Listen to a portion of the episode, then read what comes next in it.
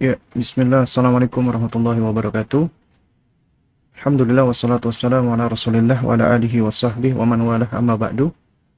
Uh, bagi kawan-kawan yang saat ini mengikuti kajian melalui YouTube, kita insya Allah dalam beberapa saat lagi akan menunggu ya uh, panggilan dari teman-teman Radio Muslim Jogja ya, yang kemungkinan besar agak sedikit uh, terlambat ya dikarenakan uh, masih ada persiapan-persiapan atau yang semisalnya. Jadi kurang lebih ya sekitar 2 atau 3 atau bahkan sampai 5 menit lagi ya kita menunggu dari teman-teman uh, Radio Muslim Jogja ya. Dikarenakan uh, dari studio um, mengatakan dari jam 8 sampai jam 9 ada jadwal sehingga jadwal saya yang jam 9 ini mungkin akan sedikit delay ya. Mungkin akan sedikit uh, terlambat sedikit ya. Jadi kita masih menunggu ya menunggu panggilan insya Allah dari uh, kawan-kawan Radio Muslim Jogja. Baik uh, juga sebagai informasi untuk teman-teman yang sekarang ini online di YouTube ya, bahwa kajian ini ya insya Allah uh, rutin diselenggarakan setiap hari Sabtu ya, ya dengan izin Allah tentunya ya, jika tidak ada halangan-halangan. Kemudian juga uh, bagi yang belum memiliki buku PDF-nya atau PDF booknya itu bisa mengunduh ya. Nah ini alhamdulillah ya sudah masuk panggilan. Ya saya angkat dulu. Iya. Iya. Assalamualaikum Mas.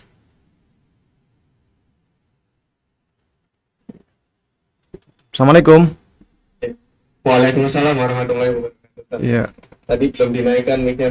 Oh, belum dinaikkan mic-nya. Oh, ini balik balik lagi ke ke Mas Didin ya? Iya. Oh, ini Masya Allah. ganti ganti lagi Ustaz. Oh, gitu. Iya, iya, iya, ya. Oke, Mas Didin. Ya, Uh, berapa menit lagi kita mulai ini, Mas Didin? Um, sekitar ini antum sudah siap sekarang Sudah. kalau satu menit lagi gimana Ustaz? Oh, siap, siap. Ini sudah, sudah, sudah, sudah online semua ini. Oh baik Ustaz. Hmm. Ini melanjutkan pembahasan yang eh, biasa ya Ustaz ya yang Sabtu pagi sebelum Iya, Ramadan ya. betul. Jadi kita udah masuk ke pertanyaan ke-8 ya. Di di mana? Oke. Di pagi hari ini ya. Ustaz. Insya Allah eh, 30 detik lagi ya Ustaz. Siap, insya Allah. Ya, ya bagi teman-teman yang online di Instagram, insya Allah kurang lebih uh, beberapa detik lagi kita akan mulai, ya. Insya Allah kita akan live yang akan dipandu oleh Mas Didin dari studio Radio Muslim Yogyakarta, insya Allah. Baik.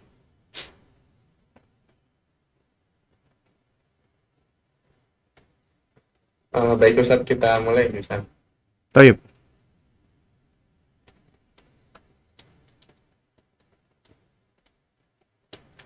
Assalamualaikum warahmatullahi wabarakatuh. Alhamdulillah wassalatu wassalamu ala rasulillah wala hawla wala quwata illa billah amma ba'du Ya selamat pagi Sobat Muslim kembali lagi bersama kami di Radio Muslim Jogja 1467 AM Memurnikan akidah menebarkan sunnah Sobat Muslim para pendengar Radio Muslim di kota Jogja dan sekitarnya dan para pendengar di mana pun berada di frekuensi AM 1467 kHz dan juga melalui streaming di www.radiomuslim.com. Kita kembali di acara rutin setiap pagi ya jam 9 waktu Indonesia Barat dan kali ini pukul 9 lebih 6 menit waktu Indonesia Barat. Kita ada di program acara Jendela Islam Sobat Muslim ya eh, di edisi spesial Ramadan ini program Jendela Islam. Dan insya Allah kita akan lanjutkan kembali kajian rutin kita Sabtu pagi bersama Ustadz Abu Salma Muhammad Hafizullah Ta'ala melanjutkan pembahasan kajian eh, pembahasan tentang parenting ya. Atau lebih tepatnya mendidik anak dengan metode bertanya jawab dari eh, risalah karya Syekh Salim bin Sa'ad At-Tawil Hafizullah Ta'ala yang kembali insya Allah akan dibersamai oleh guru kita Ustadz Abu Salma Muhammad Hafizullah Ta'ala. Dan insya Allah nanti ada sesi tanya jawab bagi Sobat Muslim dan para pendengar di 1467 AM atau di www.radiomuslim.com. Uh, silakan bisa persiapkan pertanyaan nanti dan kirimkan pertanyaan ke nomor 0823 2727 5333 ya bisa sampaikan pertanyaan melalui SMS, uh, chat WhatsApp atau telepon interaktif langsung ke nomor yang sama tadi 0823 2727 5333. Dan Didin juga um, menyapa ya para pemirsa di channel YouTube Ustadz Abu Salman Muhammad dan di uh, akun Instagram beliau Ustadz Abu Salman Muhammad. Um, silakan bisa sampaikan pertanyaan melalui kolom komentar atau live chat ya. Insya Allah akan kami pantau dan akan kami uh, tanyakan kepada Ustadz di kesempatan pagi hari ini. Dan Alhamdulillah kita telah terhubung secara langsung bersama Ustadz Agus Salma Muhammad. Kita sapa terlebih dahulu beliau. Assalamualaikum Ustadz. Ya Mas Didin, Waalaikumsalam warahmatullahi wabarakatuh. Ya Ustadz Jazakallah khairan atas kesempatannya pagi ini Ustadz. Apa kabar Ustadz? Wa jazakallah khairan Mas Didin. Alhamdulillah sehat walafiat. Dan mudah-mudahan Mas Didin keluarga teman-teman sehat semua ya. Amin amin Ustaz. Jazakallah khairan Ustaz. Baik, uh, Sobat Muslim, mari kita persiapkan diri untuk menyi uh, eh, menyimak kembali uh, kelanjutan pelajaran yang akan disampaikan oleh Ustadz Abu Salman Muhammad. Kami dari studio mengucapkan selamat mendengarkan kepada Ustadz, kami persilahkan Ustadz.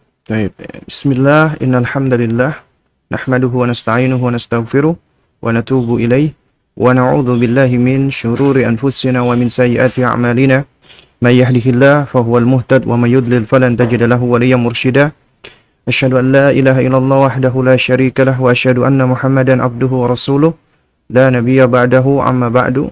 فإن أصدق الكلام كلام الله وأحسن الهدى هدى محمد صلى الله عليه وعلى آله وسلم وشر الأمور محدثاتها وكل محدثة بدعة wa kulla bid'atin dalalah wa kulla dalalatin finnar amma ba'du ya alhamdulillah ya kita memuji dan dan menyanjung Allah Subhanahu wa taala dengan sanjungan dan pujian yang paling sempurna yang mana tidak ada sanjungan yang paling sempurna kecuali hanyalah milik Allah dan untuk Allah Subhanahu wa taala. Dan Semoga salawat dan salam senantiasa tercurahkan dan terlimpahkan kepada junjungan kita, kekasih kita, Nabi kita, yaitu Rasulullah Muhammad bin Abdullah sallallahu alaihi wa ala alihi wasallam. Dan juga kepada keluarga beliau, ahlul bait beliau, istri-istri beliau, ya, putra dan putri-putri beliau. Dan juga semoga senantiasa terlimpahkan kepada para sahabat-sahabat beliau khususnya para al-khulafa ar-rasyidin al-mahdiyin dan kemudian juga sahabat-sahabat beliau yang lainnya. Dan juga semoga senantiasa pula terlimpahkan kepada para tabi'in dan tabi'ut tabi'in dan waman tabi'ahum bi ihsanin ila yaumiddin dan bagi siapa saja dari mereka yang mengikuti dengan cara yang lebih baik hingga hari kiamat nanti.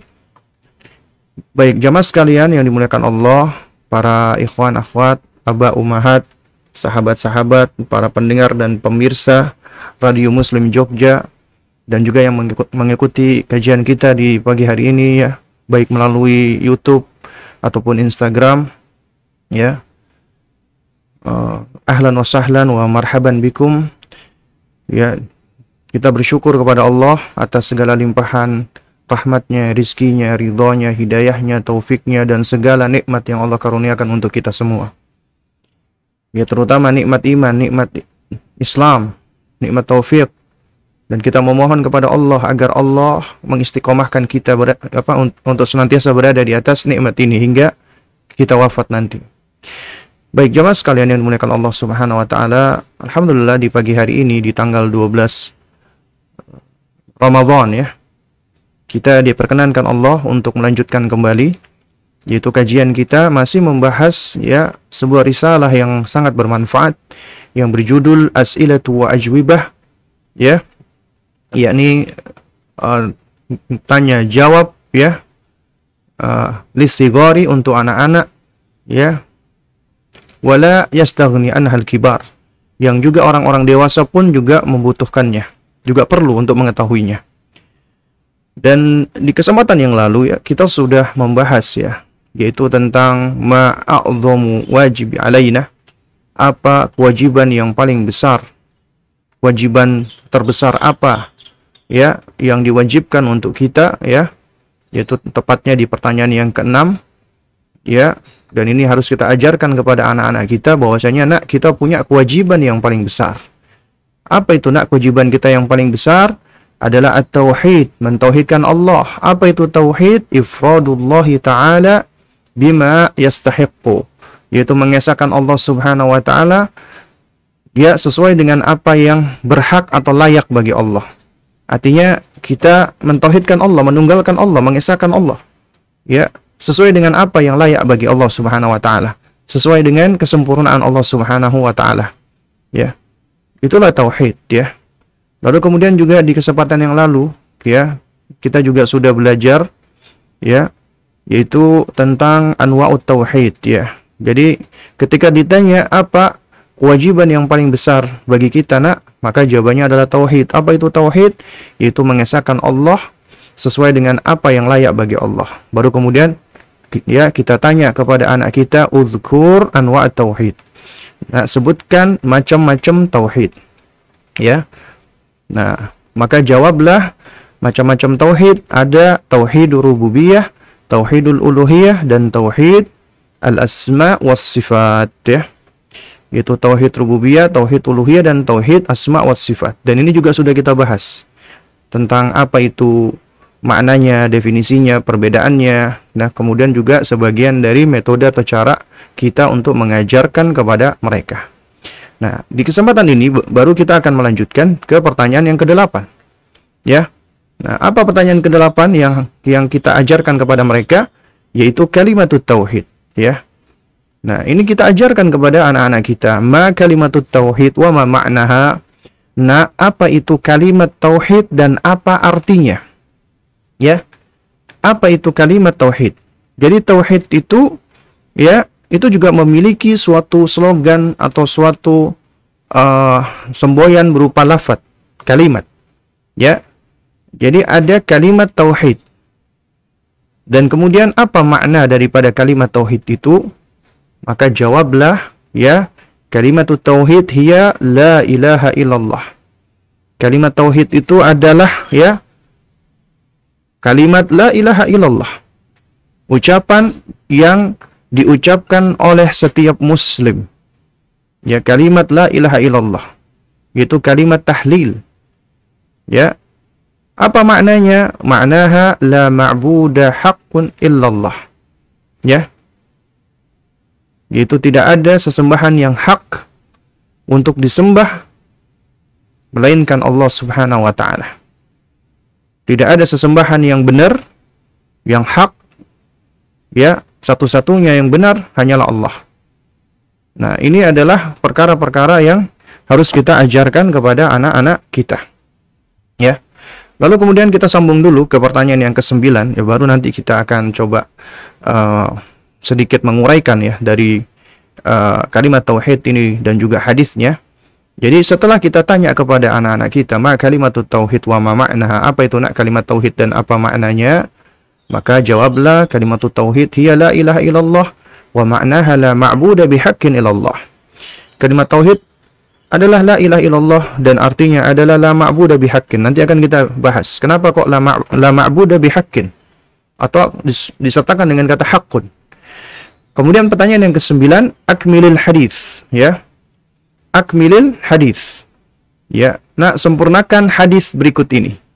Nah, ini adalah suatu hal yang sangat baik sekali ya dan juga sudah kita terangkan ya di kesempatan yang lalu ya bahwasanya di antara metode belajar ya khususnya untuk merangsang ya daya hafal dan daya nalar anak-anak kita adalah dengan cara kita menyambung, menyambung hadis ya ataupun juga mungkin menyambung ayat ya. Nah, namun dalam hal ini yang sering digunakan oleh penulis yaitu Syekh Sa'ad ya Syekh uh, Salim bin Sa'ad At-Tawil hafizahullah taala adalah dengan cara menyambung, menyambung hadis. Ya. akmilil hadis. Ya. Nah, sempurnakanlah hadis berikut ini ya. Yaitu qala Rasulullah sallallahu alaihi wa ala alihi wasallam. Rasulullah sallallahu alaihi wasallam bersabda, ya. Ya. yaitu ma min ahadin yashhadu an la ilaha illallah wa anna muhammadan rasulullah. Yang artinya ma min ahadin. Tidak ada seorang pun ya yashhadu an la ilaha illallah.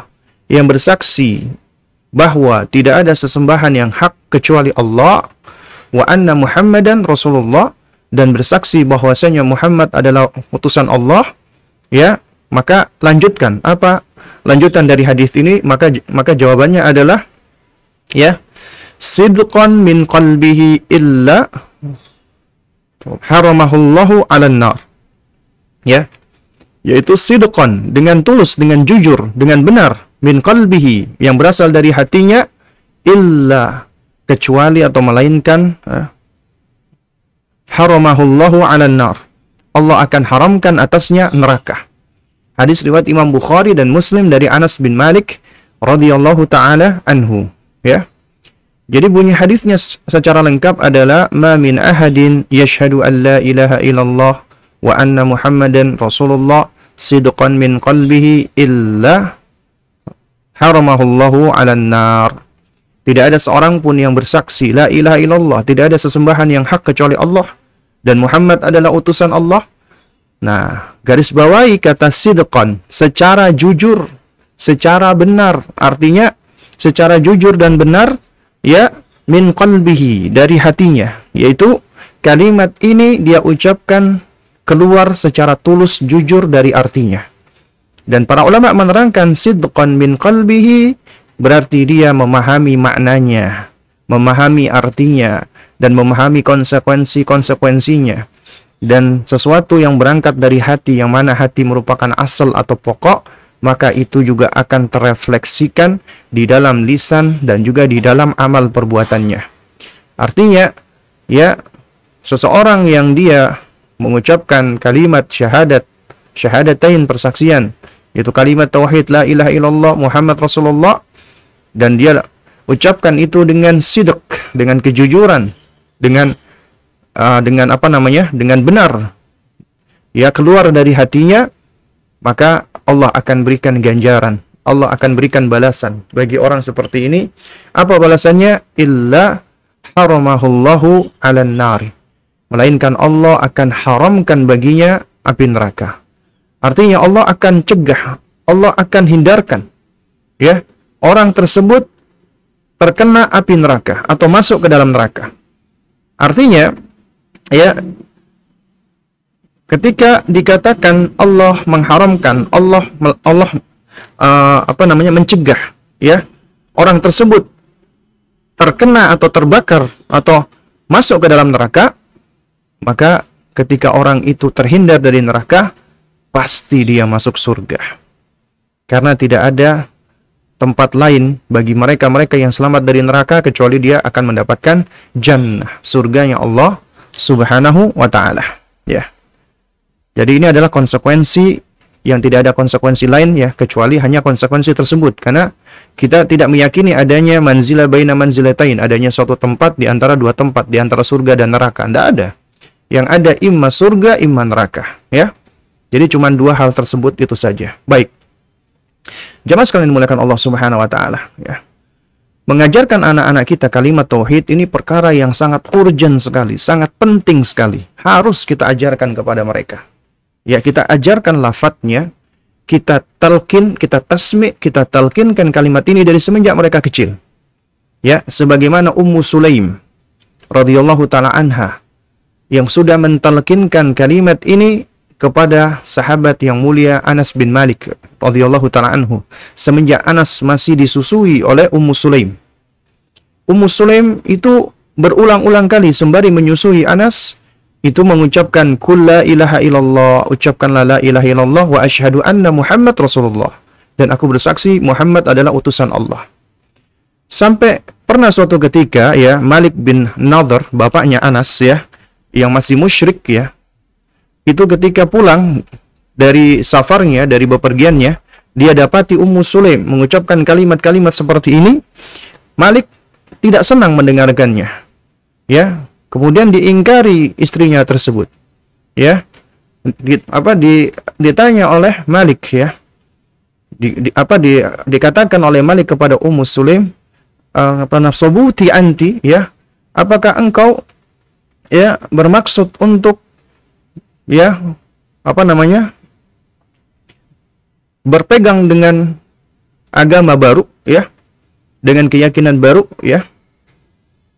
Lantaran didengarkan ya bahwasanya Ummu Sulaim ini bolak-balik mentalkin anaknya dengan kalimat tersebut dan dijawab oleh Ummu Sulaim la ya ma sobautun ndak aku tidak demikian ya. Nah lalu kemudian juga Malik mengatakan ya la apa namanya tufsidi. Jadi artinya janganlah engkau itu merusak anakku. Lalu dikatakan oleh Ummu Sulaim, aku tidak merusaknya. Ya, aku tidak merusaknya. Kemudian dikatakan oleh Ummu, Ummu Sulaim hanya saja, ya, aku mengimani, ya, yaitu orang ini, yaitu maksudnya adalah Rasulullah Muhammad Sallallahu Alaihi Wasallam, ya, sebagai utusan Allah. Ini menyebabkan Malik marah, ya, Hingga suatu ketika dia keluar, dia pergi lagi, kemudian dia bertemu musuhnya dan dia tewas. Dia dibunuh oleh musuhnya. Ya. Jadi Anas bin Malik ini dari kecil adalah termasuk anak yatim. Ya. Bapaknya musyrik, kemudian mati dalam keadaan musyrik. Tapi ibunya wanita yang solehah. Ibunya wanita yang mulia. Ibunya begitu cintanya dengan Islam. Begitu cintanya dengan Rasulullah Sallallahu Alaihi Wasallam.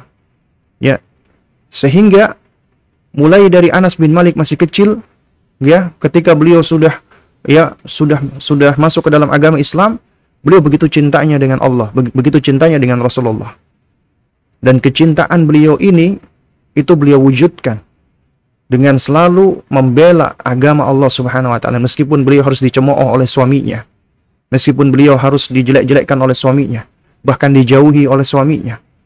Tapi beliau tahu bahwasanya ya keberadaan beliau di muka bumi ini adalah bukan karena suaminya, bukan untuk suaminya, tapi untuk pencipta suaminya yang menciptakan ya kita semua, yaitu Allah Subhanahu wa taala. Keberadaannya adalah untuk Allah dan karena Allah. Ya. Jadi dia tidak masalah. Beliau tidak merasa khawatir ketika ditinggalkan suaminya, dicemooh suaminya, bahkan ketika suaminya itu meninggal dunia, Malik ini ya Beliau tidak tidak merasa begitu kehilangan. Karena beliau memiliki Allah. Karena beliau mencintai Allah dan Rasulullah sallallahu alaihi wasallam. Dan juga demikian ya wahai uh, Anda para ummahat yang Allah uji Anda dengan mungkin ya suami-suami yang kurang baik atau bahkan tidak tidak baik ya maka belajarlah dari sosok-sosok wanita-wanita yang mulia ini. Dan juga belajarlah pula dari sosok wanita yang dikatakan oleh Rasulullah Shallallahu Alaihi Wasallam sebagai salah satu dari ya apa namanya? Sayyidatu Nisa'i Ahlil Jannah. Pembesar atau penghulunya wanita-wanita penghuni surga. Yang disebutkan oleh Rasulullah ada empat. Dan yang disebutkan oleh Nabi pertama kali adalah Maryam bintu Imran. Kemudian Asia bintu Muzahib Baru kemudian Khadijah bintu Khuwailid dan kemudian yang keempat adalah Fatimah bintu Muhammad sallallahu alaihi wasallam. Yang menarik adalah ketika Nabi menyebutkan Asia bintu Muzahim. Ya, seorang wanita yang mulia yang Allah Subhanahu wa taala janjikan baginya ya, yaitu istana atau bangunan di surga. Padahal dia adalah seorang wanita yang bersuamikan laki-laki paling lalim di muka bumi ini, Fir'aun alaihi laknatullah.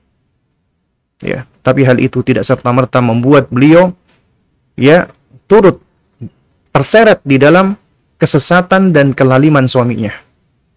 Karena beliau tahu keberadaan beliau tidaklah untuk suaminya, tapi adalah untuk Allah Subhanahu wa taala. Juga demikian Anda. Anda ketika diuji oleh Allah Subhanahu wa taala dengan suami-suami yang gak baik, dengan suami-suami yang jelek, dengan suami-suami yang buruk, ketahuilah anda hidup di muka bumi ini adalah bukan untuk suami Anda. Bukan karena suami Anda. Tapi adalah untuk Allah dan karena Allah. Dan Anda sejatinya tidak begitu butuh dengan suami Anda. Tapi suami Anda dan Anda butuh dengan Allah Subhanahu wa taala. Yang paling Anda butuhkan adalah Allah Azza wa Jalla. Berpegang dan bersandar kepada Allah Subhanahu wa taala. Dan ketika Anda merasa Anda ditinggalkan oleh suami, suami Anda menzolimi Anda, suami Anda menganiaya Anda, atau suami Anda berbuat jelek dengan Anda, ketahuilah bahwasanya Anda memiliki Allah yang tidak akan melupakan Anda, tidak akan melalaikan Anda, tidak akan meninggalkan Anda. Allah yang senantiasa menjaga dan memelihara Anda, melindungi Anda. Sehingga wanita-wanita yang seperti ini meskipun mereka tampak ya seperti dianiaya, dizolimi, disakiti dan semisalnya mereka tetap tangguh. Mereka tetap kuat. Kenapa? Karena mereka memiliki Allah, meyakini akan keadilan Allah. Allah tidak akan tidur. Allah tidak akan menutup mata. Ya Allah tidak akan abai dari hamba-hambanya. Allah Maha Adil. Allah Maha Bijaksana. Semua kesabaran yang dilakukan oleh setiap wanita yang mau bersabar, Allah nggak akan sia-siakan kesabaran tersebut. Bahkan Allah akan tolong dia. Dan bentuk pertolongan Allah bermacam-macam. Ya. Di antaranya ketika Anda diberikan kekuatan, Anda tetap bisa tenang, damai, tentram. Itulah salah satu bentuk pertolongan Allah. Allah kuatkan Anda. Ya. Namun berbeda dengan wanita-wanita yang hatinya jauh dari Allah. Yang dia tidak memiliki apa kedekatan dengan penciptanya. Sangat bergantung dengan suaminya. Ketika suaminya menganiaya dia, menzalimi dia atau bahkan meninggalkan dia, langsung seakan-akan dunia ini kiamat. Seakan-akan ya dia terhimpit dan dia menganggap begitu kejamnya dunia ini. Ya, dan dia merasa bahwasanya dunia ini seakan-akan sudah hancur, berkeping-keping. Dan dia sudah kehilangan gairah untuk hidup lagi bahkan dia berkeinginan untuk bunuh diri dan seterusnya. Bahkan tidak sedikit kita dapati ada sebagian ibu ya gara-gara suaminya dikarenakan ketergantungan kepada suami yang begitu besar tidak kepada Allah akhirnya merusak fitrahnya. Karena dendam kepada suaminya anaknya disakiti Padahal ibu adalah seorang wanita yang penyayang kepada anaknya. Tapi ternyata dia menyakiti anaknya, rela menyakiti anaknya dalam rangka untuk membalas dendamkan sakit hatinya kepada suaminya. Ini adalah potret sebagian wanita yang jauh dari Allah Subhanahu wa taala. Hatinya tidak terpaut dengan Allah Subhanahu wa taala. Hidupnya tidak akan tenang karena dia tidak memiliki pijakan dan pegangan yang kuat. Karena dia menganggap bahwasanya keberadaan dirinya itu tidak akan bisa kuat tanpa keberadaan suaminya. Sehingga apabila suaminya meninggalkan dia seakan-akan dunia ini habis, runtuh. Wa nas'alullah assalamu afiyah. Nah, jadi belajar dari wanita-wanita yang mulia. Seperti Ummu Sulaim radhiyallahu taala anha. Wanita yang kuat. Wanita yang memiliki pondasi kecintaan kepada Allah dan kepada Rasulullah. Dan kecintaan tersebut beliau tularkan kepada putranya. Beliau transfer kepada putranya Beliau ajar dan didik putranya dari semenjak masih orok, dari semenjak masih bayi, masih menyusui itu anak kepada ibunya. Ya. Ditalkin dan ditasmi. Kul, katakanlah Padahal Anas belum bisa ngomong La ilaha illallah wa asyhadu anna Muhammad Rasulullah La ilaha illallah wa asyhadu anna Muhammad Rasulullah. Ya. Jadi bolak-balik ditalkinkan ini anak. Ini Itu adalah di antara cara ya yang diajarkan oleh mereka manusia-manusia yang mulia yaitu para sahabat Nabi ya ridwanullah alaihim ajmain. Bagaimana mengajari anak-anak ini dari semenjak kecilnya tauhid. Demikian pula Rasulullah wasallam yang juga mendidik dengan dengan konsep atau dasar tauhid ini ya baik jangan sekalian yang menggunakan Allah Subhanahu wa taala ya juga demikian ketika anak-anak kita sudah sudah mulai memiliki penalaran, sudah mulai memiliki uh, kemampuan apa namanya pemahaman ya. maka ajarkan maknanya. Ajarkan makna dari kalimat la ilaha illallah. Ini kalimat yang sudah sering dia dengar dari semenjak kecilnya. La ilaha illallah, la ilaha illallah. Lalu kemudian ajarkan maknanya. Ajarkan keutamaannya. Ajarkan fadilahnya. Ajarkan urgensinya. Dari kalimat ini. Yang pertama kali adalah ajarkan dulu maknanya.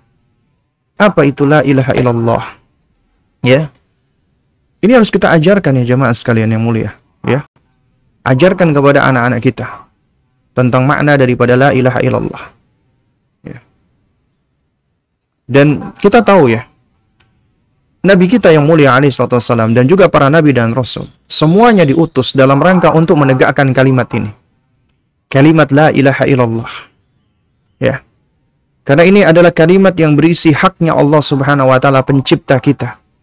Esensi daripada tauhid uluhiyah ada di dalam kalimat ini. Kalimat la ilaha illallah. Dan kita tahu ya bahwasanya sebelum Rasulullah Nabi kita Muhammad SAW itu diangkat oleh oleh Allah Subhanahu wa taala diutus untuk menjadi nabi dan rasul seluruh ya orang-orang musyrikin Quraisy saat itu mereka sepakat. Mereka bersepakat bahwa nabi kita yang mulia alaihi adalah seorang yang amin, yang jujur, nggak pernah berdusta. Seorang yang sidik ya. Seorang yang yang lurus, yang tulus. Akhlaknya disepakati sebagai akhlak yang mulia. Akhlaknya disepakati sebagai akhlak yang apa namanya? yang yang sempurna saat itu. Ya. Nah, namun ya jamaah sekalian yang muliakan Allah Subhanahu wa taala. Ketika Rasulullah sallallahu alaihi wa ala alihi wasallam ya itu apa namanya uh, diperintahkan oleh Allah Subhanahu wa taala ya, untuk menyeru dan mengajak ya ketika itu kaumnya dan berbagai macam kabilah untuk mengucapkan kalimat ini, maka dengan serta-merta mereka langsung berubah. Tadinya memuji Rasulullah, tiba-tiba mencela Rasulullah sallallahu alaihi wa wasallam. Nah, di antaranya ketika Allah Subhanahu wa taala memerintahkan kepada kepada nabi kita, ya. Allah perintahkan ya ayyuhal muddathir wahai orang yang berselimut kum fa'anzir. Bangunlah dan berikan peringatan. Akhirnya Nabi pun ya naik di atas sebuah bukit. Beliau kumpulkan, beliau panggil, beliau seru semua kabilah yang ada saat itu. Kemudian beliau uji dan ini kecerdasan beliau. Makanya beliau memiliki sifat fotona, kecerdasan. Beliau uji mereka, beliau tanya mereka. Ketika mereka berkumpul, ya namanya orang berkumpul heran. Ini kenapa ini kok Muhammad hari ini mengumpulkan kita? Kemudian Rasulullah mengatakan ya, jika sekiranya aku aku kabarkan kepada kalian bahwa di balik bukit ini ada ya apa namanya? ada sepasukan berkuda lengkap dengan ya dengan apa namanya? perbendaharaannya. Apakah kalian akan membenarkan saya? Nabi di sini tidak berdusta. Nabi hanya bertanya, sekiranya ya di belakang bukit ini ada sepasukan berkuda lengkap dengan harta dan perbendaharaannya, apakah kalian akan membenarkan saya?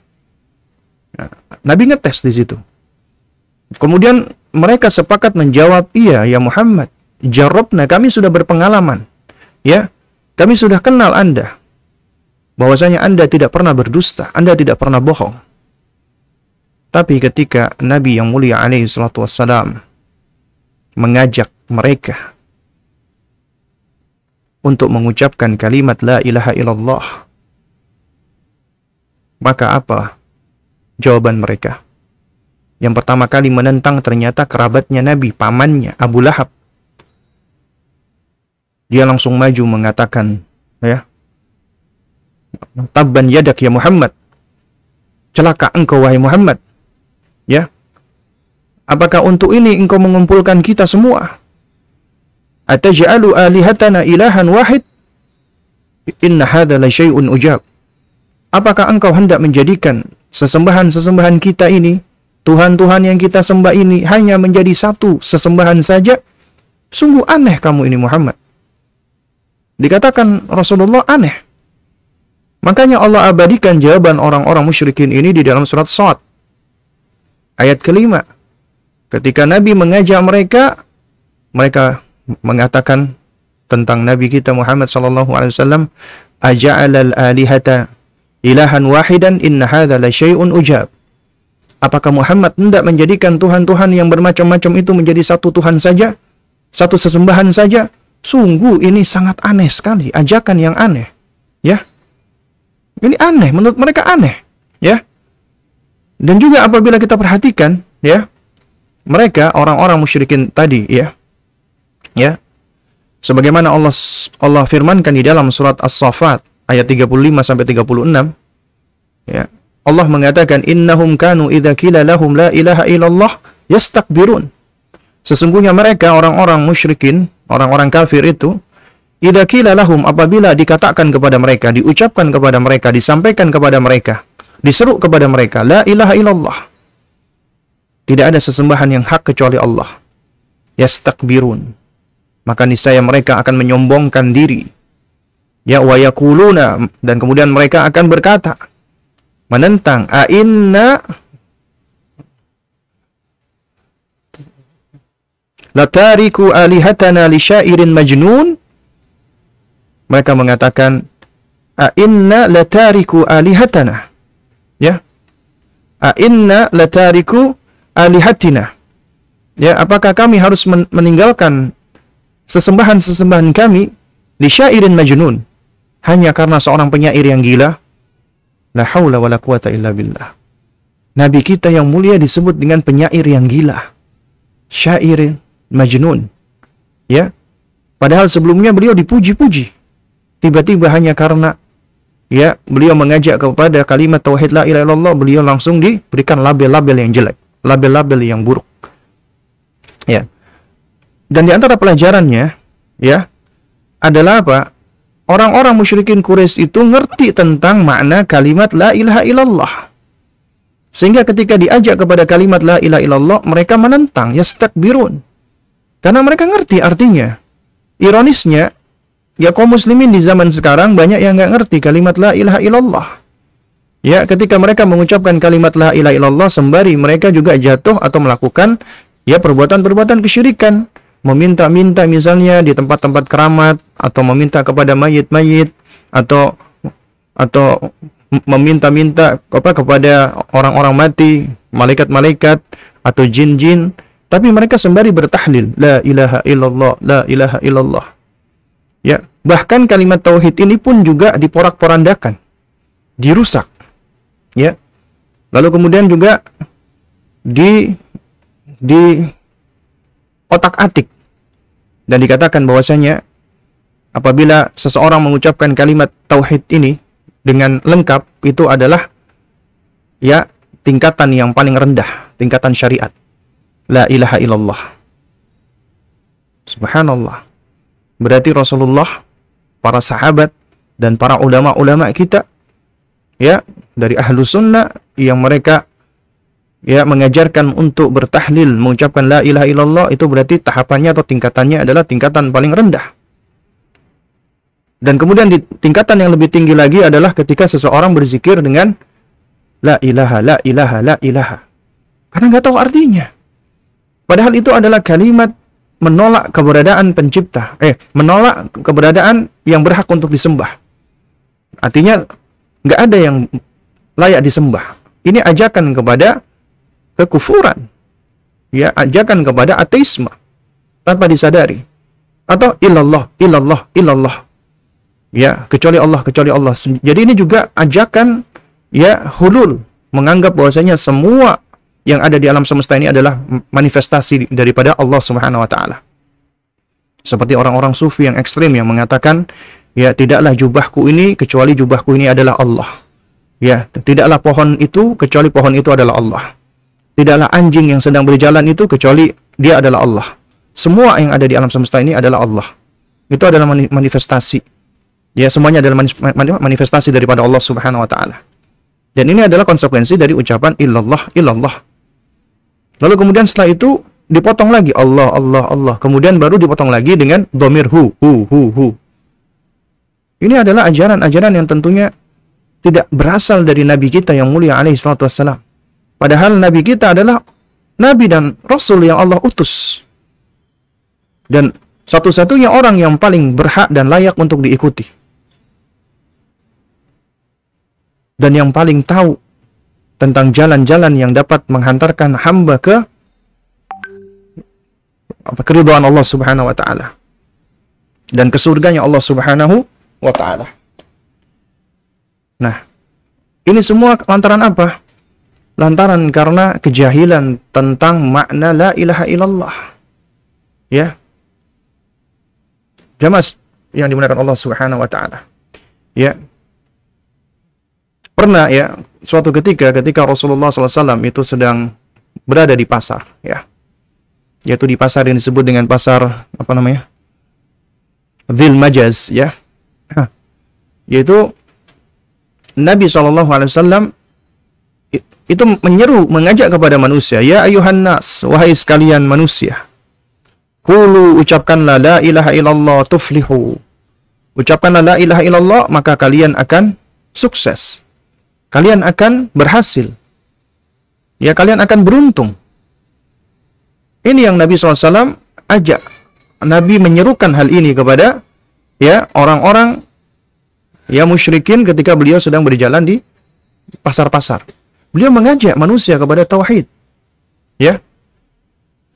Meskipun akhirnya beliau ditentang dengan penentangan yang luar biasa. Nah, oleh karena itu jamaah sekalian muliakan Allah Subhanahu wa taala. Inilah pentingnya kita untuk mendidik dan mengajari anak-anak kita tentang makna la ilaha illallah dan semestinya kita harus sudah ngerti dulu dari awal tentang makna daripada la ilaha illallah. Ya. Apa makna daripada la ilaha illallah? Ya. Maknanya adalah la ma'budu haqqun illallah atau la ma'budu bihaqqin illallah. Ya. Tidak ada sesembahan yang hak untuk disembah kecuali hanya Allah Subhanahu wa taala. Ini kata la ilaha illallah ini ya terdiri dari empat kata. Pertama kata la adalah kata yang menunjukkan nafi lil jinsi untuk meniadakan segala jenis apa yang di yang dinafikan yaitu kata berikutnya ilah ilah artinya adalah al ma'luh al ma'bud segala sesuatu yang disembah dan diibadahi ketika kata ini disandarkan dengan kata ilah kata la dengan kata ilah la ilaha artinya ya menafikan menolak dan meniadakan semua jenis sesembahan artinya semua jenis sesembahan yang ada itu ditolak ditiadakan diingkari ini kata la ilaha. Lalu kemudian kata ketiga adalah illah. Illah ini maknanya adalah pengecualian, isbat, penetapan. Jadi setelah ditolak, ditiadakan, dinafikan, baru kemudian melakukan penetapan, isbat. Ya, illah, menetapkan. Ya, jadi semua sesembahan semua ya yang disembah itu ditolak, dinafikan. Kecuali nah ini baru ada yang ditetapkan. Yang ditetapkan itu adalah satu, yaitu apa? Yaitu lafat, yaitu yaitu kata yang keempat. Allah. Allah Subhanahu wa taala. Allah adalah nama bagi zat yang menciptakan, yang menghidupkan dan yang mematikan, yang memberikan rizki dan yang mengatur alam semesta. Dialah Rabbul Alamin.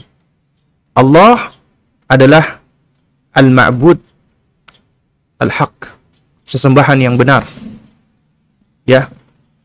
Jadi maknanya adalah ya menafikan semua jenis semua bentuk sesembahan yang ada di muka bumi ini atau di alam semesta ini semuanya ditolak kecuali satu yang ditetapkan Allah Subhanahu wa taala. Hanya Allah Azza wa Jalla ya yang ditetapkan Adapun selain Allah maka ditolak. Selain selain Allah maka ya dinafikan. Baik. Jamaah sekalian yang dimuliakan Allah Subhanahu wa taala ya. Uh, apa namanya? Mungkin ya ada di antara kita yang bertanya, ya. Kenapa kok kalimat tauhid ini kok kalimatnya kompleks ya? Lebih rumit.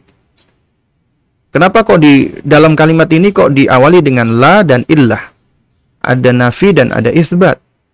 Ya, kenapa kok kalimatnya kok nggak simpel aja? Seperti misalnya kalimat ilahuna Allah atau ilahi Allah. Sesembahanku adalah Allah. Tuhanku yang aku sembah adalah Allah. Kenapa kok nggak seperti itu aja gitu loh? Kenapa kok nggak hanya dua kata aja, ilahuna Allah? Tapi kenapa kok harus ya seperti kesannya ribet, la ilaha illallah. Kenapa kok bukan il apa namanya uh, ilahi Allah? Tuhanku adalah Allah. Sesembahanku adalah Allah. Kenapa kok tidak demikian? Nah, karena ya jamaah sekalian menggunakan Allah. Apabila kalimatnya hanya ilahi atau ilahuna Allah, maka akan hilang kesempurnaan daripada tauhid. Ya.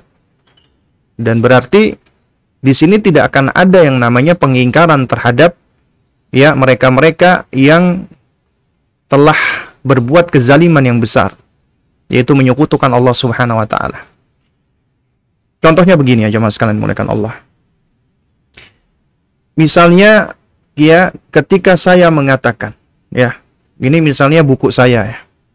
Ini buku ya.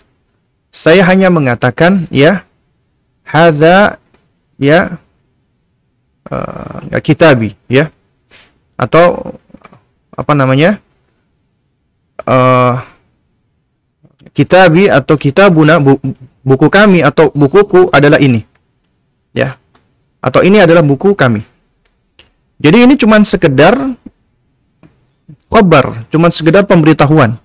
Saya hanya memberitahukan kepada Anda, ini loh saya punya buku, ini buku saya. Anda juga punya buku di sana. Ya, masing-masing Anda punya buku. Nah, saya hanya menyampaikan ini buku saya tanpa saya mengungkit-ungkit buku-buku Anda. Ya. Jadi saya nggak ngurusin buku-buku Anda. Nah, tapi ketika saya mengatakan, ya, la kitaba illa hadzal kitab. Enggak ada buku kecuali bukuku ini. Ya, berarti ini kalimat mengandung saya menafikan semua buku-buku Anda. Seakan-akan ya saya katakan ya, itu buku-buku Anda itu semuanya palsu, KW, enggak asli. Yang benar nih buku ya, buku yang paling benar, buku yang asli, yang ori, oh, yang otentik ini cuman buku aneh nih. Jadi buku aneh yang paling benar. Buku ente-ente semua itu buku-buku yang palsu semuanya, KW semuanya. Nah, tentunya ya manakala Anda mendengarkan hal seperti ini, Anda punya buku, buku Anda ini bagus nih. Mahal lagi. Nah, anda merasa marah nggak? Marah. Apa namanya tersinggung? Enak aja nih buku aneh dibilang buku palsu KW, padahal aneh belinya mahal-mahal ini, ya. Nah, jadi ternyata kalimat tersebut yang diawali dengan nafi dan isbat itu ternyata bisa memiliki makna yang jauh berbeda. Kalimat yang pertama ya itu cuman mengkabarkan saja, cuman nyampein aja ini loh buku aneh. Ya, dan saya tidak ngurusin buku-buku Anda, saya tidak tidak apa namanya tidak membicarakan buku-buku Anda. Artinya silakan Anda punya buku-buku tersebut. Tapi di kalimat yang kedua tadi ya, saya dengan tegas mengatakan bahwasanya buku yang paling benar adalah buku saya, buku Anda itu keliru semuanya. Nah, ini apa namanya pemahaman dari sisi makna bahasa.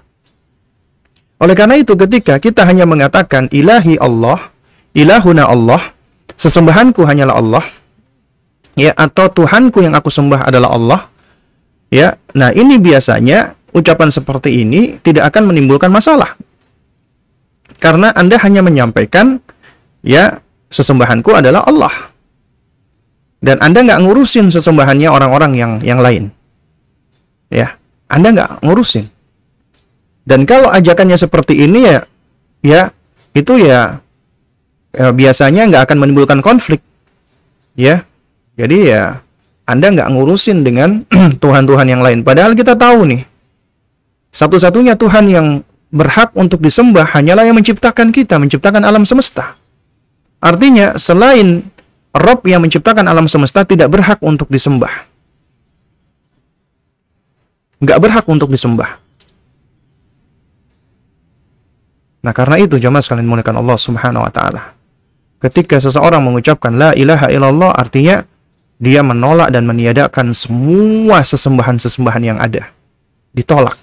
Batu yang disembah, sapi yang disembah, matahari yang disembah, bulan yang disembah, api yang disembah, mayit yang disembah, malaikat yang disembah, nabi yang disembah, semua yang disembah itu ditolak semuanya.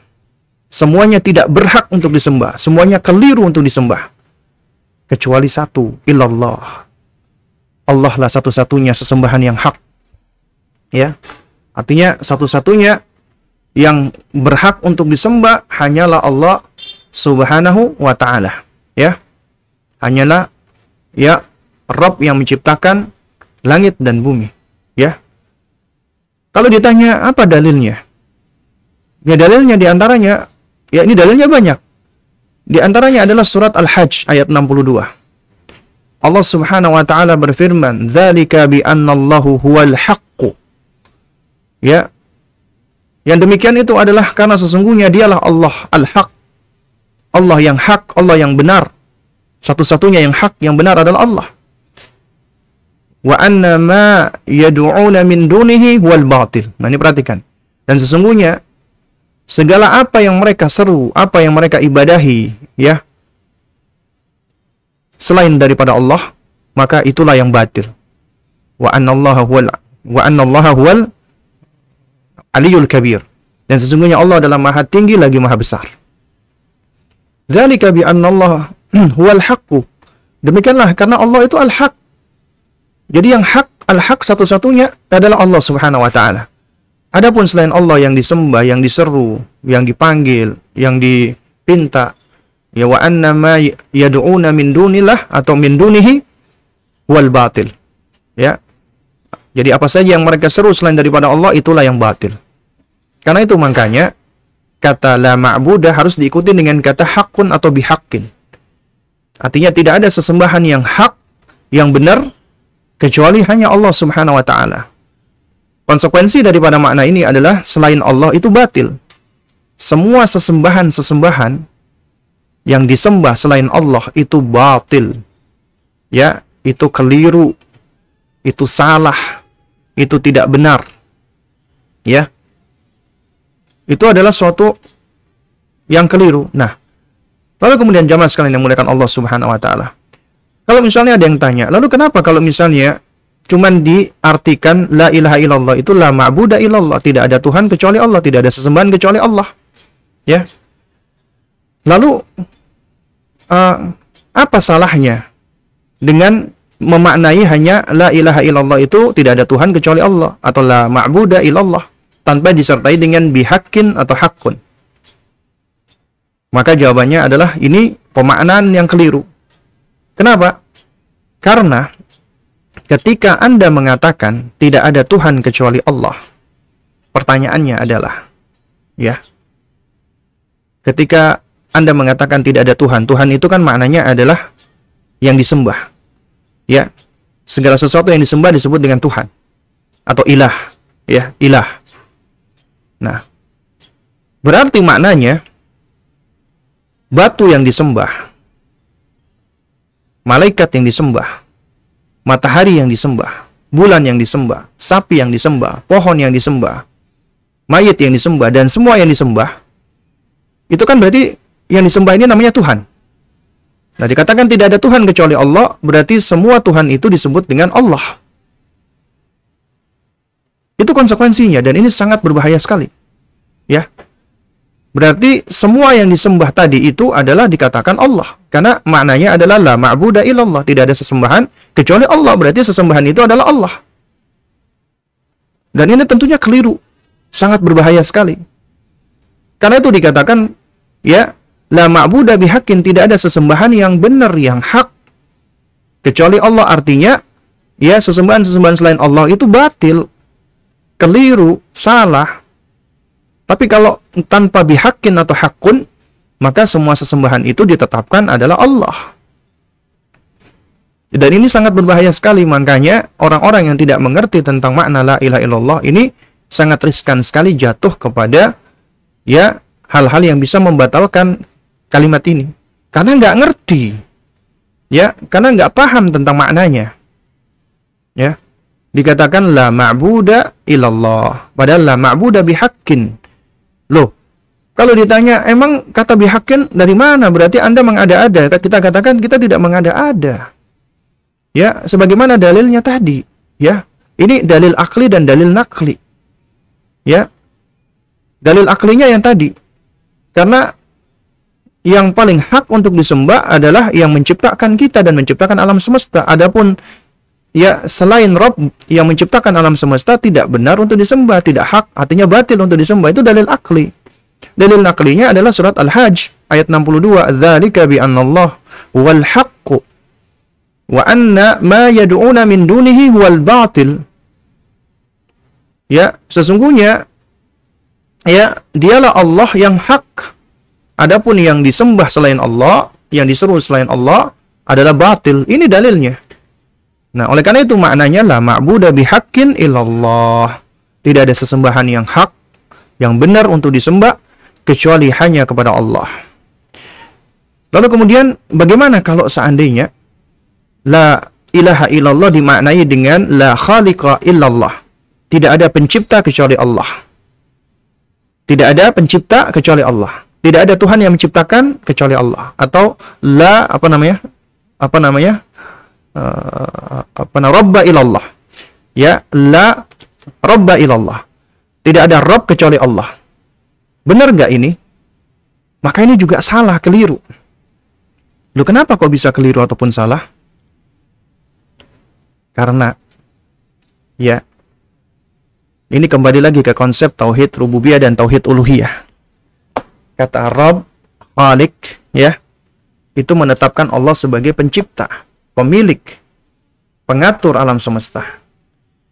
Nah, pertanyaannya adalah, ahlul kitab dan orang-orang musyrikin Quraisy mereka meyakini nggak Allah sebagai pencipta? Allah sebagai pemilik, Allah sebagai pengatur, Allah sebagai pemberi rezeki? Jawabannya adalah iya. Mereka meyakini Allah sebagai Khalik pencipta mereka. Allah sebagai ya Rabb yang mengatur, mengurusi dan memiliki mereka. Ya. Dan dalilnya banyak sekali di dalam Al-Qur'an yang yang yang menunjukkan hal ini. Contohnya surat Az-Zukhruf ayat 87.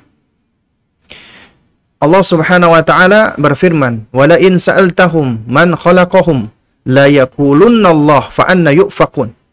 Dan sungguh wahai Muhammad, jika engkau bertanya kepada mereka, orang-orang musyrikin itu, man khalaqahum, siapa yang menciptakan mereka? La yaqulunna Allahu. Coba Allah itu menyebutkan kata ya yakulun ya itu dengan lam dan nun taukid yang menunjukkan ya penyangatan. Artinya sungguh-sungguh mereka akan menjawab Allah karena mereka meyakini dengan sungguh-sungguh Allah adalah pencipta mereka. Ya, Allah yang menciptakan mereka. Juga dalam surat Al-Ankabut misalnya ayat 61, "Wala in sa'altahum man khalaqas samawati wal arda wa sakhkhara asy-syamsa wal qamar la yakulunna Allah fa anna yufakun." Kalau kamu tanya wahai Muhammad kepada mereka, Man khalaqas samawati wal ard? Siapa sih yang menciptakan langit dan bumi? Ya. Wasakhkhara syamsa wal qamar dan yang menundukkan matahari dan bulan? Apa jawaban mereka? La yakulunna Allahu. Mereka benar-benar pasti akan menjawab Allah. Fa anna yufakun. Lantas bagaimana bisa mereka dipalingkan?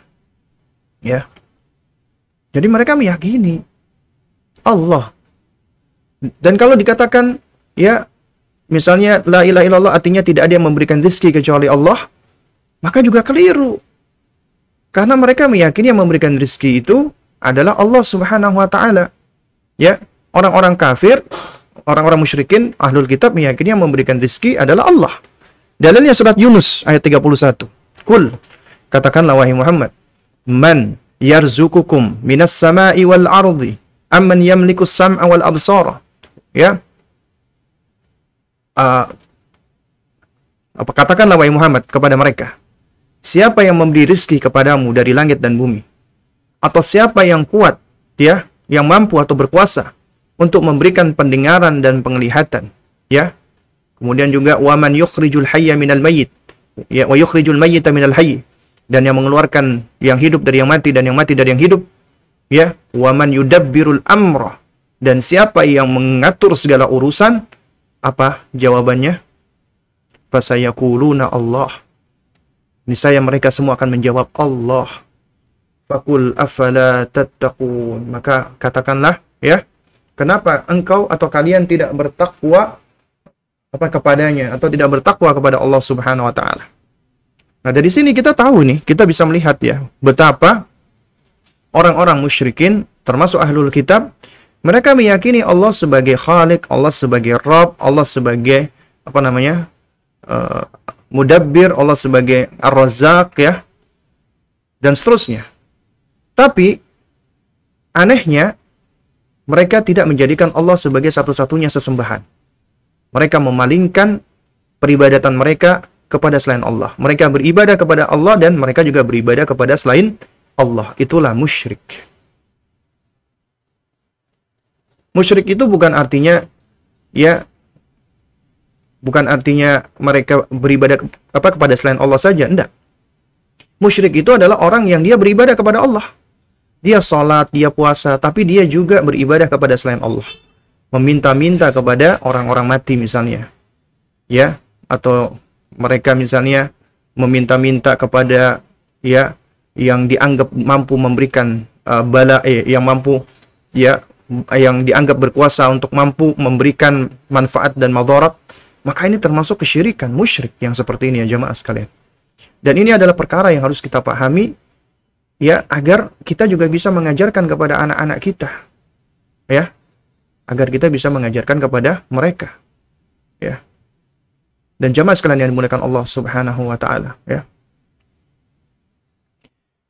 Dahulu para salaf mereka sudah mentalkin anak-anak mereka selain kalimat tauhid juga mereka mentalkin yakul katakanlah wahina ya.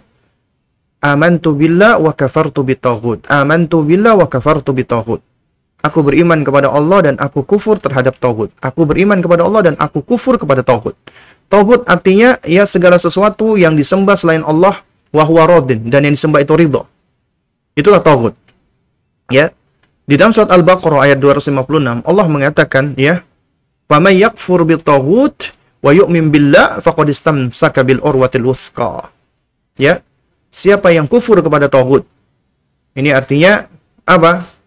Ini artinya menafikan semua sesembahan-sesembahan selain Allah.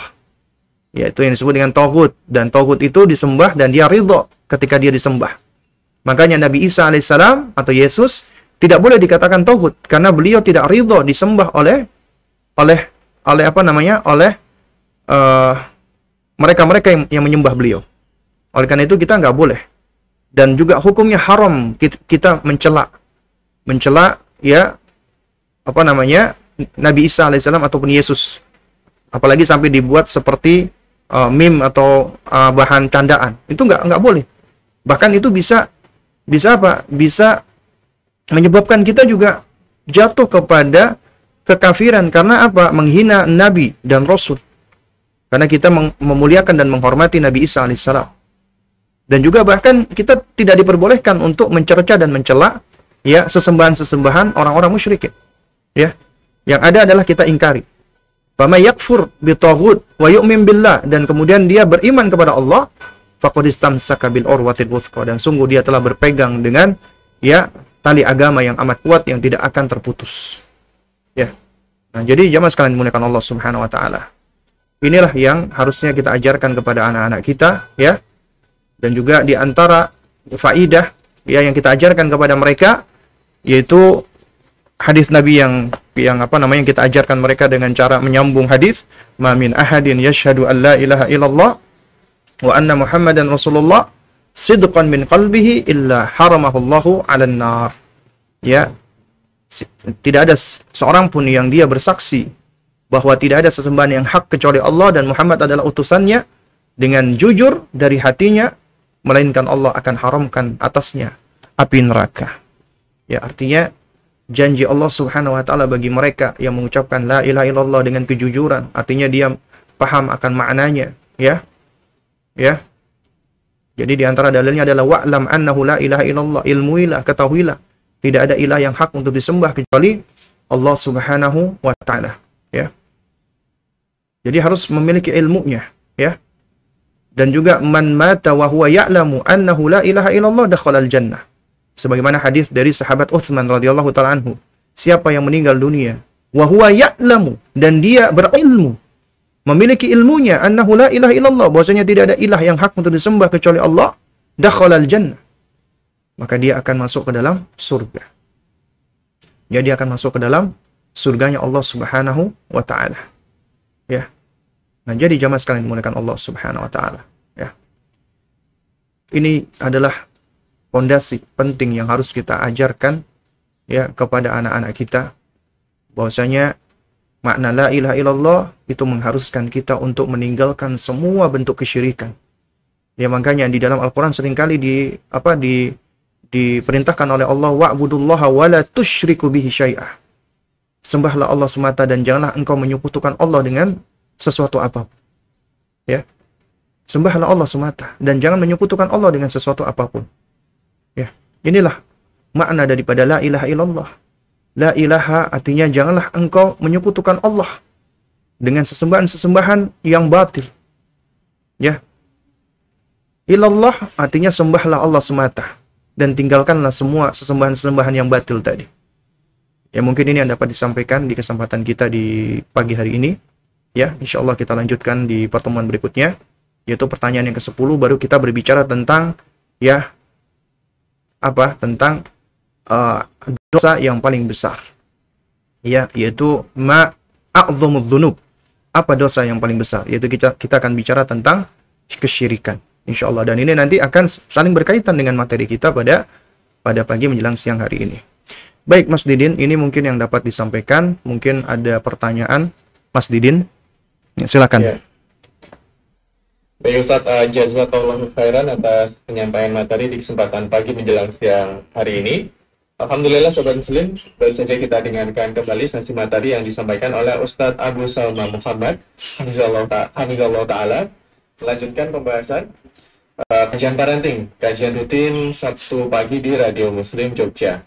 Baik Ustadz, ada uh, beberapa pertanyaan, uh, namun uh, mungkin kita bacakan satu ya Ustadz ya, untuk Baik. kesempatan pagi hari ini. Pertanyaannya, uh, Assalamualaikum Ustadz. Waalaikumsalam warahmatullahi wabarakatuh. Oh, semoga Allah menjaga Ustadz dan kaum muslimin. Amin.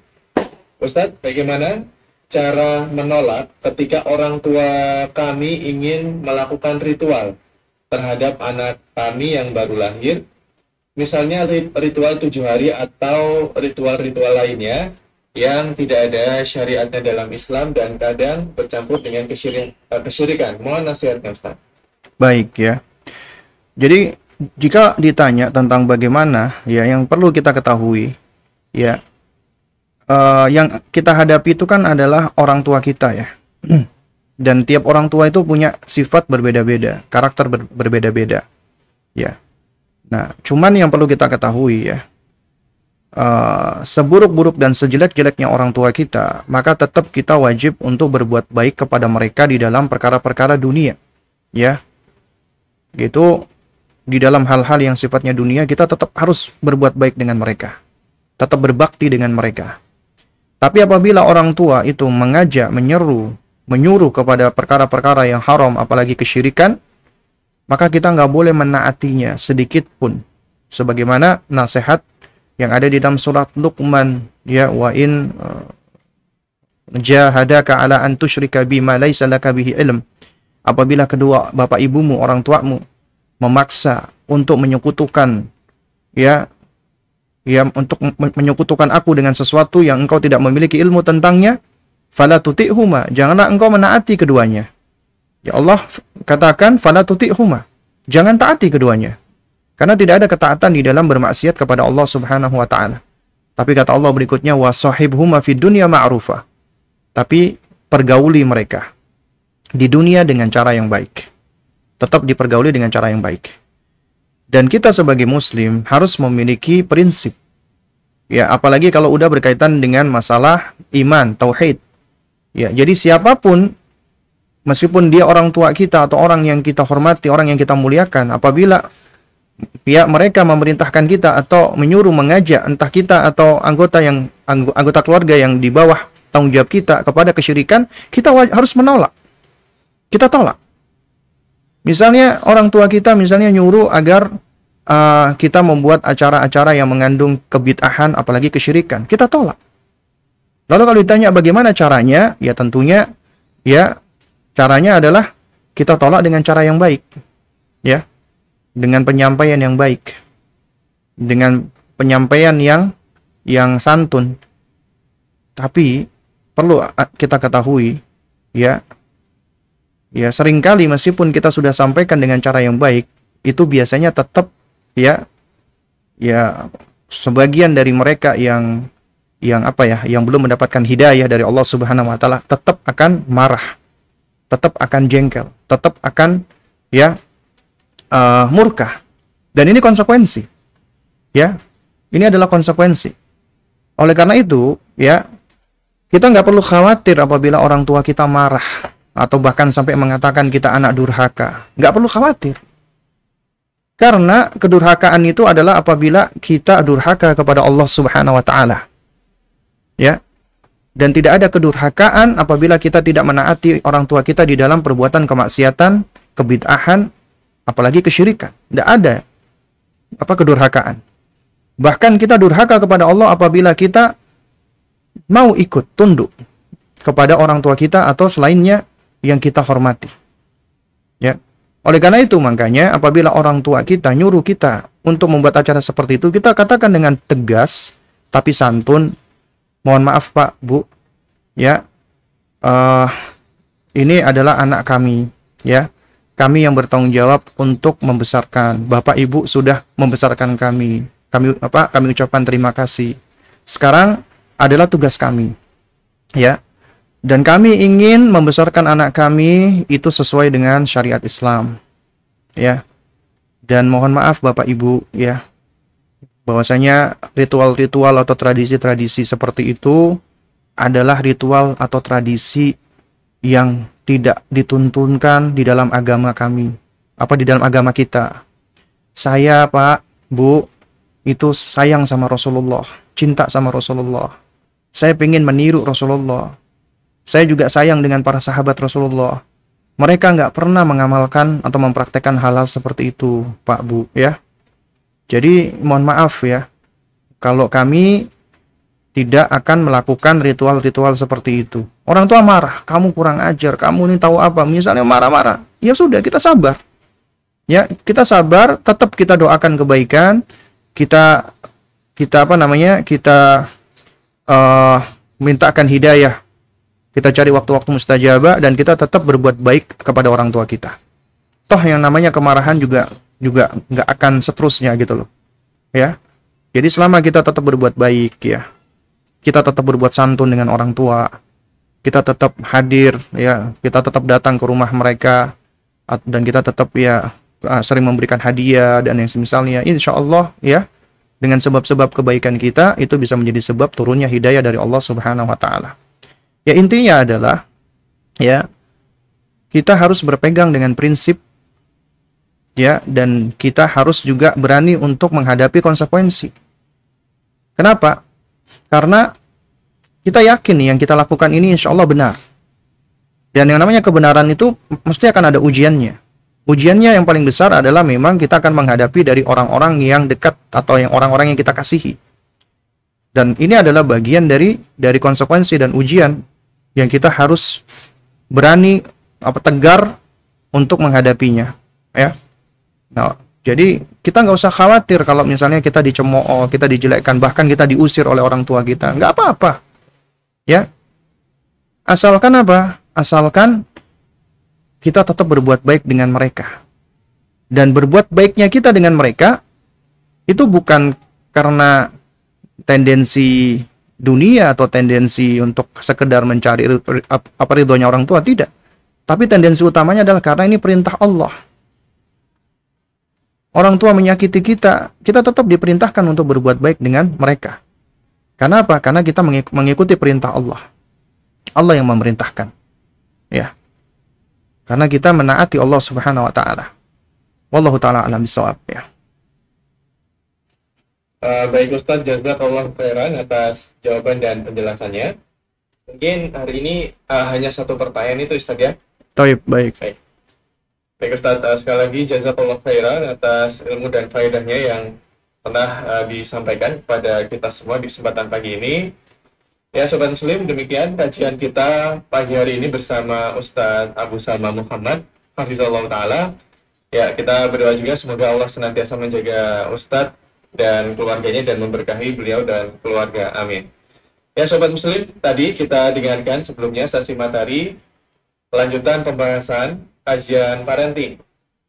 Merujuk pada risalah karya Syekh Salim bin Sa'ad At-Tawil, Hafizullah Ta'ala, mendidik anak dengan bertanya jawab. Nah, insya Allah kajian ini rutin setiap hari Sabtu pagi mulai jam 9 waktu Indonesia Barat. Sobat Muslim bisa berkonsultasi atau bertanya seputar pembahasan uh, keluarga dan parenting ya di kesempatan uh, selanjutnya di Radio Muslim Jogja 1467 AM dan di www.radiomuslim.com. Demikian Sobat Muslim kajian kita di pagi menjelas Semoga menjadi ilmu yang bermanfaat. Insya Allah kita jumpa lagi di kesempatan lainnya. Demikian kita tutup. Subhanakallahumma wa bihamdika Ashhadu an la ilaha illa anta astaghfiruka wa atubu ilaik. Wassalamualaikum warahmatullahi wabarakatuh. Waalaikumsalam warahmatullahi wabarakatuh. Ya Ustaz, jazakallah khairan Ustaz. Wa jazakallah khair.